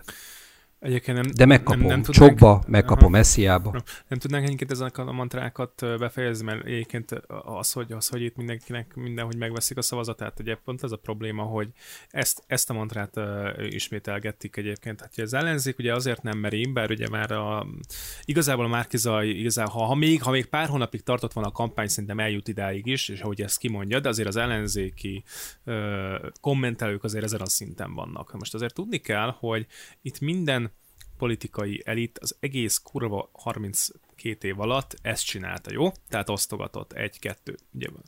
Azt hittem, hogy egy klasszikus fog elhangzani. Én azért a, az országot nem minősíteném feltétlenül ezzel. Kettő, én ezt nem, nem tagadom, hogy vannak deklasszált emberek, akiknek, akiket ugye feudális viszonyokba tartják, de maradjunk annyiban, hogy a, hogy valójában azért vannak ilyen helyzetbe tartva, hogy nem is ismernek más alternatívát, tehát nem tudnak egy ellenzéki politikus vagy pártnevet sem mondani, hogy erről a Fidesz tehet? Hát nem hiszem, hogy erről csak a Fidesz tehet, hogy nem tudnak más ellenzéki politikusi vagy, vagy pártnevet mondani. Uh, és... A, a, bocsáss meg, de hagyd szóljak ide, ez nagyon fontos. Az lehet, hogy ezt nem tudja, de az, azért csak a Fidesznek a dolga, hogy nem tudják azt, hogy élhetnének máshogy. És a kulcú az ez, mivel nem Jó, tudják, csak hogy, tudod, hogy mi van, de más, tudják, hogy... ó, de nagyon-nagyon is tudják, eh, mert hogy ugye az van, hogy 2010 előtt, de nagyon is tudják. 2010 előtt szar se volt a vidéken, majd 2010 után elkezdett valami lenni a vidéken, és már ott tartunk, hogy közmunkásból is hiány van, mert képzeljétek el, a Fidesznek igaza lett, ebben is. Amikor azt mondták, hogy a közmunka csak egy lépés, hogy vissza tudjon illeszkedni az emberek egy része a munkaerőpiacra, ez igaz lett. Mert a kezdeti 300 ezer közmunkásból már a 85 ezer maradt. Sikerült 200 valahány ezer embert, mondjuk azt mondom neked, hogy hát biztos nem egy feltétlenül egy szellemi és irodai munkába beilleszteni, de mondjuk egy már egy, egy jóval magasabb megélhetésű fizikai munkásnak, vagy munkára, munkához elterelni. És én azt gondolom, hogy mikor mi arról beszéltünk és csináltunk erről adást, hogy valamit csinálni, valamit, valamit mégiscsak azért a helyi cigány és a, a nagymértékű ö, ö, vidéki, ö, elnéptelenődő vidékeken még élő cigányság, amit kezdeni kell, akkor erre az elmúlt 32 évben ez volt az egyetlen válasz. Most az, hogy nekünk ez mennyire tetszik, vagy nem tetszik, vagy lehetett volna hatásosabb eszközt találni, nyilvánvalóan lehetett volna, hogyha ezt kimodellezzük, meg még, még 12 éve törlődünk ezen, de valaki csinált valamit, és ezek az emberek emlékeznek erre, mert azért ha most valaki most 40 évesen tudja pontosan, hogy mi volt 10 meg 20 évvel ezelőtt a gyurcsányékon az MSZP alatt, és az MSZP sem kevés ideig uralkodott. Úgyhogy maradjunk annyiban, hogy, hogy, hogy de, de, tehát tudják az emberek, hogy mi volt, és mi van most, és persze, hogyha még egy még újabb verziót akarnánk nekik megmutatni, ahhoz meg kéne valaki, aki ezt elmondja nekik. De ugye a mélyen tisztelt ö, ellenzékünk ö, hírből sem szeretne ilyen emberekkel. Szerintem szerintem a 444-nek az Ács Danit hamarabb felismernék ezeken a vidékeken, mint bármelyik ellenzéki politikust. Eszem ágában nincs egyébként az Orbán megelőző időszakot védeni, és még akár azt is, alig hanem ebben egy dolog egyébként igazad van, hogy, hogy még talán pozitív változások is kimutathatók azokon a területeken, ahol egyébként korábban semmi nem volt. Oké, ezt aláírom, de azért ez még mindig a, az elvárható minimum alatt van. Tehát az, azok, azok a körülmények, amelyek körülmények között ezek az emberek élnek, ez még mindig nem az, ami Igen, az csak, csak, csak az a baj, hogy, ez csak elég. az embereknek értem, az a baj, hogy, hogy a hozzánk hasonlók meg akarják nekik mondani, hogy de te hülye vagy, hát élhetne jobban is, nem érted? És akkor így... Nem, nem, nem, te... nem, szó nincs erről. Ne, de, de nem, ne, ne, én most nem, a, nem, a, nem a, a pesti értelmiségi magaslóról beszélek, de hogy nem, de nem, csak két szót mondok, Farkas Flórián Azért tart a magyarországi cigányság, ahol tart, mert Orbán Viktor úgy gondolta, hogy a cigányság képviseletére a legmegfelelőbb ember Farkas Flórián lesz. De akkor, a, de akkor viszont ennyi erővel, Három. de akkor ennyi erővel egy emberre kivetítve nekünk rögtön két emberünk is van, vagy akkor magyarság azért Jó, tartott, ahol mert Orbán és Gyurcsány. Ja, mondjuk ebben igazad van. Abszolút. De nem miről, igaz, miről de ez sem igaz, mert hogyha, de. mert hogyha ezt egy kultúr, kultúr, kultúrantropológiai szempontból vizsgáljuk, ahogy általában a Farkas Attila Márton vizsgálja ezeket, akkor arról van szó, hogy ezeket az embereket a magyar társadalom termelte ki. Hogyha nem lenne egy Gyurcsány és Orbán nevezetű politikus, akkor Kis Jakab, meg Nagy Noémi, meg ilyen emberek lennének, és ugyanazt csinálnák, mint ezek. Mert ez a magyar társadalom. Én ebben, tehát lehet, hogy naív vagyok, és én a, a famot nagyon szeretem hallgatni. Egy borzasztó okos ember, tehát hogyha azt mondta, amit most mondtál, akkor én ezzel nem értek egyet. És mondom, ez, ez rám nézve felháborító. Nem, de én nem tudom, melyik kötök küldte azt az idézetet, ugye, amikor a, a, a kis messenger csoportunkba Kossuth volt talán, Kossuth idézet, ami arról szólt, hogy Széchenyi, lesz, Széchenyi, bocsánat, Széchenyi. Hát ez is mutatja, hogy mennyire egy ilyen félművelt marha vagyok. Ami, ami nagyjából ezt a gondolatot fogalmazta meg, amit most, amit most itt elmondtál. Én ezt, én ezt nem hiszem, illetve vannak pillanatok, amikor hiszek benne, de, de most én ebbe a dologba egyébként... Akkor szerinted, akkor szerinted, hogyha Adolf Hitler nem születik meg, a harmadik birodalom sem jön létre?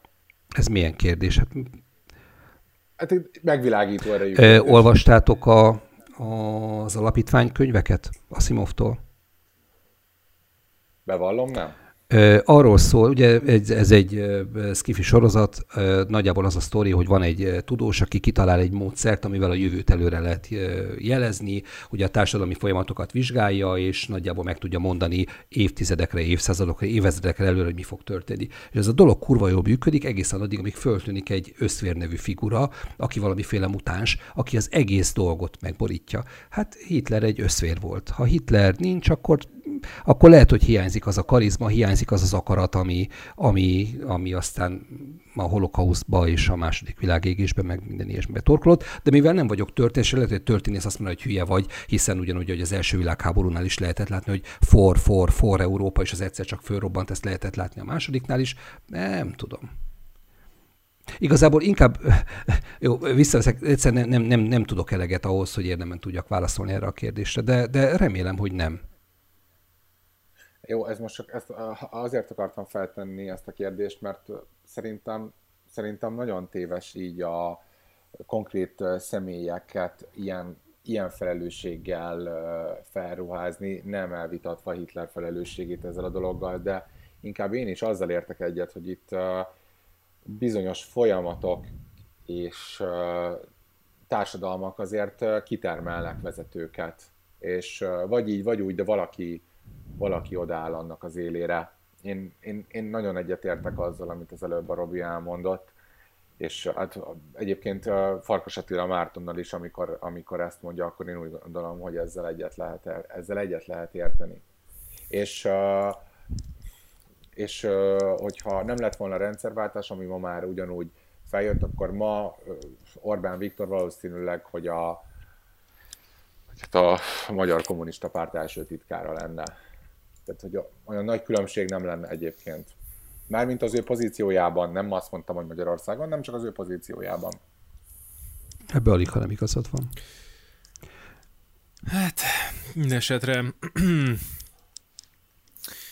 az biztos, hogy 2026-ig, hát hogy inkább azt mondja, hogy elvileg szól a mandátuma ezeknek a remek embereknek, és ja, hát hagyhak ugye a népharag el nem söpri a Fidesz, hogy Jakab Peti bácsi meg nem mondta, de tényleg, tehát ugye a Jakab Péter, az tényleg a szó szerint a megélhetési politikusnak a definíciója.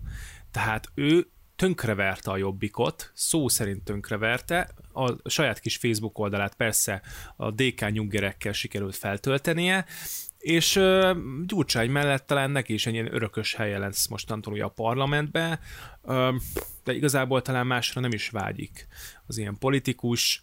Uh, hát igen, ez, ez, ez a helyzet, de legalább van kunhalmink, nagyon fontos, de még jobb, lesz Kálmán Olgánk is a parlamentbe. Ugye milyen szép, amikor megmérettetik ugye a független újságíró, szintén Gyurcs, Gyurcsány Ferenc zsebében köt ki.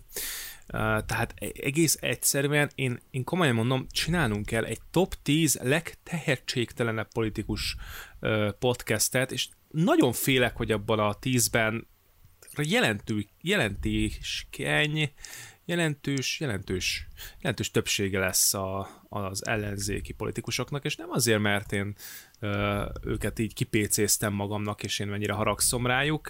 Én tudnék mondani Fideszből is ö, ilyen tehetségtelen arcot, csak ők ilyen... Kósa Lajos. Ö, igen, tehát őket ilyen... Amúgy, Robi, az igazság, hogy tévedsz. Robi, tévedsz, itt a top, itt a top top tehetségtelen politikusok közül az egyik az a szélben. A top 10 legt? Ja, tényleg, igazad van? Hát az eredmény, csak az eredmény és validál. Fele, és egy valamit ne felejts el, szeretnék, szeretnék, szeretném Gáspár Győzőt, az új Fidesz tagot idézni. A siker az sukár, testvérem. Úgyhogy itt, aki kiesett, az a loser, aki meg benn maradt, az meg a király. És amit van, annyit is érsz. És amennyit van, annyit is érsz, és végre Lázár ez a János, így van, végre újra helyet Lázár kapott, János aki ugye Lázár János tönkreverte Márkizaj Pétert, aminek már csak azért is nagyon jó, mert ugye Márkizaj Péternek országos kampánya volt, ellentétben ugye Lázár Jánossal, aki, aki elvégezte a politikai házi feladatot, és, és na mindegy, szóval tényleg egészen elképesztő. Én egyébként legszívesebben annak körülnék, csak tudom, hogy erre nem lesz sose példa, Ö, ugye az ellenzéknek se terjed idáig az iq illetve az érdekei, hogyha nem ülnének be, ö, és és hagynák, hogy ott csinál, amúgy is semmi értelme, hogy beüljenek, most azért, hogy legyen egy-két, Jakab Péternek egy-két videója a Facebookon, ahogy lengeti a, nem tudom, majd most mit fog, pff, kolbászt, vagy ki tudja, mit fog majd lengetni Orbán Viktor, tehát ennek semmi értelme. Nem ülnének be, Egyébként akár fel is oszt, oszt, oszolhatnának, a Fekete Győr el tudok képzelni egy például egy ilyen ö, Pesterzsébeti McDonald'sba ö, főállás, mert nagyon máshol egyébként a kvalitás alapján nem nagyon tudnám elképzelni. Tehát igazából így, így felosztatnák magukat, aznak nagyon jó nemzetközi vízhangja lenne, mert az milyen már tényleg, hogy ö, csak szélső jobboldali pártok üléseznek az országgyűlésben, nagyon jó lenne. És cserébe lehet, hogy 4-8 év múlva felnőne egy politikai generáció, vagy hazajönne egy-két tehetségesebb piacon szocializálódott, nyugati piacon szocializálódott ember, és tudnának valami kis formációt létrehozni, anélkül, hogy Feriék lépten nyomon gáncsolnák őket. Úgyhogy, hát az az igazság, hogy ez, ez az én szomorú jövőképem. Csak ehhez a parlament, csak ehhez a parlamentből a kivonuláshoz az lenne szükséges, hogy ezek az emberek egy minimálisan is komolyan gondolják azt, hogy ők kormányozni akarnak, de ők valójában csak jól be akarnak tagozódni a nerbe, és ott igazából biztosítani a megélhetésüket. Ez, a, ez nagyjából a kampányon is meglátszódott, és ezúton is szeretném magam szembe köpni, ahogy ebbe egy percig is hittem, és, és akkor legyen keretes szerkezet, hogy az elején is ezt megtettem, ezt a megkövetést, meg most itt a végén is, na ezzel most még nem lezárni akartam. Hát pedig abba az irányba haladunk, Levikém. Hát tudom, amúgy tudom, persze. tök, tök jól lenne egyébként végre tüntetéseket, ellenzéki tüntetéseket szervezni arra a témára, hogy az ellenzék mondjon le.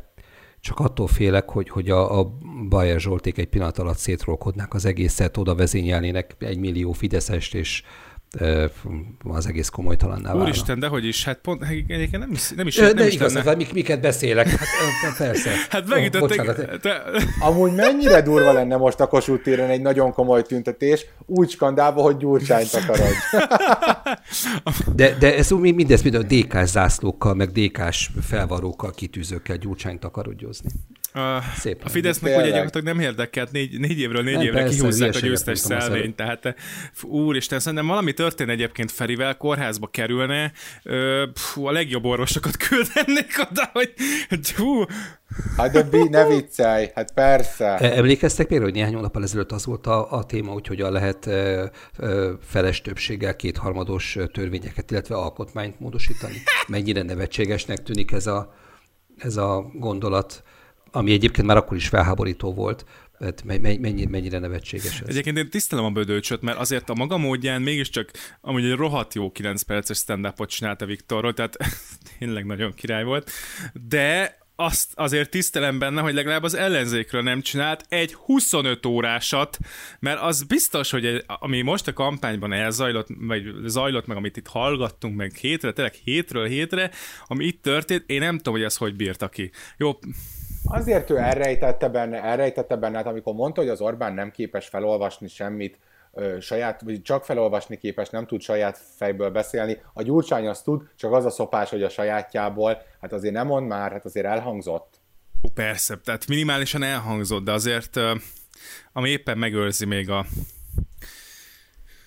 jó, de, függetlensége, de, de, de, igen. De minek, de minek darálta volna az ellenzéket, mikor az ellenzék... Jó, egyébként ez igaz, tehát, hogy, hogy gyakorlatilag senkire nincs szükségük. Tehát az, az igazság, hogy a, beállsz a Ferinek a, a, a Feri közé, a Feri baráti sorába, és így, így azon gondolkozol, hogy nem érzed, hogy miért viszket a hátad, és akkor megnézed, megvakarod, és ott van benne egy-két penge, egy-két zsiletpenge, tehát hát igen, mire is számított Márki Zaj Péter.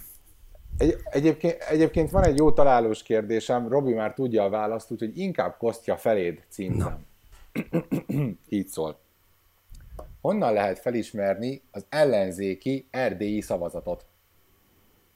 Hát azt feltételezem, hogy egy szemétdombon van félig szétégve.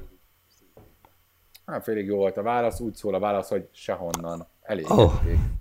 Hát, oh, nem rossz, nem rossz. Már nekem jobban tetszett, amikor azt mondta a bödőcs, hogy jó, hangosan kell és lassan felolvasni, hogy még az erdélyi halott szavazók is értsék.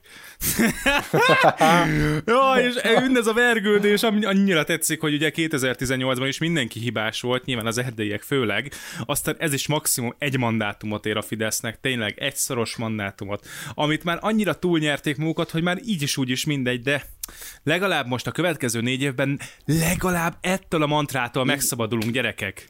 De igen, de tényleg olyan, olyan mint hogyha nyernél a lottón, kb. így hát 5 milliárd forintot, majd utána egy pár nap múlva fölhív a lottózó, hogy bocsi, hibáztunk, 5 milliárd 17 milliót nyertél. Fú, amúgy olyanról is kéne adást csinálni, van. hogy a, a leg, legmérgezőbb ellenzéki mantrák. Tehát tényleg, eh, fú, ez nagyon Csinálunk jó téma. egy új sznobjektívet, szóltok, ha már a Puzsér nem tolja. Hát muszáj, hát akkor, akkor helyettesítő termékként be kell nyomulni erre a piacra.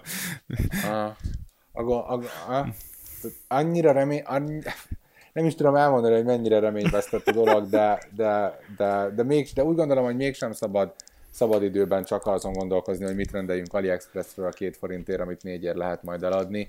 Tehát, hogy azért valamiféle felelőssége van az embernek, meg az a baj, hogy ez egy elég nagy függőséget tud okozni, ez a közélettel való legalább minimális foglalkozás, de őszintén úgy gondolom most, hogy, hogy fú, nagyon frusztráló és nagyon időpazarló ez az egész, és egyébként számomra ez a legnehezebb az egészben. És nem, a, nem az ellenzék veszteségében, hanem a Fidesz ilyen mértékű győzelmében, ezt nem győzem hangsúlyozni.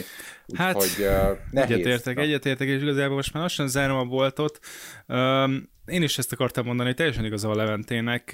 Én gondolkodtam is azon, hogy be, be kéne jelenteni azt, hogy igazából most egy jó darabig nem lesz politikai jellegű műsor, de mivel egy, ez nem egy szerkesztett műsor, és nem tudjuk magunkat semmilyen ígéretünket se soha eddig nem tartottuk, de igazából ezt sem fogom megígérni, de az biztos, hogy most már a következő hetekben nekünk Kosztjával összekerülni, és most uh, meg kell beszélnünk az Attack on Titan legújabb évadának a összefoglalóját, mert az egy, Véget ért, letölthetem, megnézhetem? Az egy igazi kulturális termék, tehát arról lehet beszélgetni beszélgetni. Hát kicsit átvertek minket, mert egyébként lesz még egy évad, de nyugodtan nézd meg, mert ez, ez messze eddig a legjobb évad volt, úgyhogy... Na kíváncsi leszek, az eddigeket is nagyon szerettem. Viszont ezzel nem mondhatunk most már titeket, hanem majd esetleg legközelebb, hogyha újra visszatérünk hónapok múlva. De még megkérdezed, hogy van-e valamilyen záró gondolatunk ehhez, um, mert nekem lenne. Akkor let's go. Orbán Viktor beszédéről, győzelmi beszédéről nem említettünk, nem, nem, nem ejtettünk még szót, és csak annyit szeretnék idefűzni, hogy Orbán Viktor azt mondta, hogy a Soros Györgynek a legrosszabb befektetése ever a baloldal volt. Nem, Orbán, vagy a Soros György legrosszabb befektetése egyetemen Orbán Viktor volt ever, csak ezt szerettem volna záró gondolatként elmondani. Levi? Én is egy Orbán klasszikussal zárok. Örülök, hogy láttam. Én is egy Orbán mondattal szeretnék zárni. Nekem az azért tetszett, mert valójában Churchill mondta, ez pedig ugye az, hogy egy győzelem sem végleges, és egy vereség sem végzetes. Köszönjük szépen. És boldog karácsonyt. és jaj, nyitva volt az az ajtó, jaj, jaj, Ági, Ági, hol vagy, jaj. Jó, köszönjük szépen, találkozunk legközelebb. Sziasztok! Sziasztok, Sziasztok. kedves hallgatók!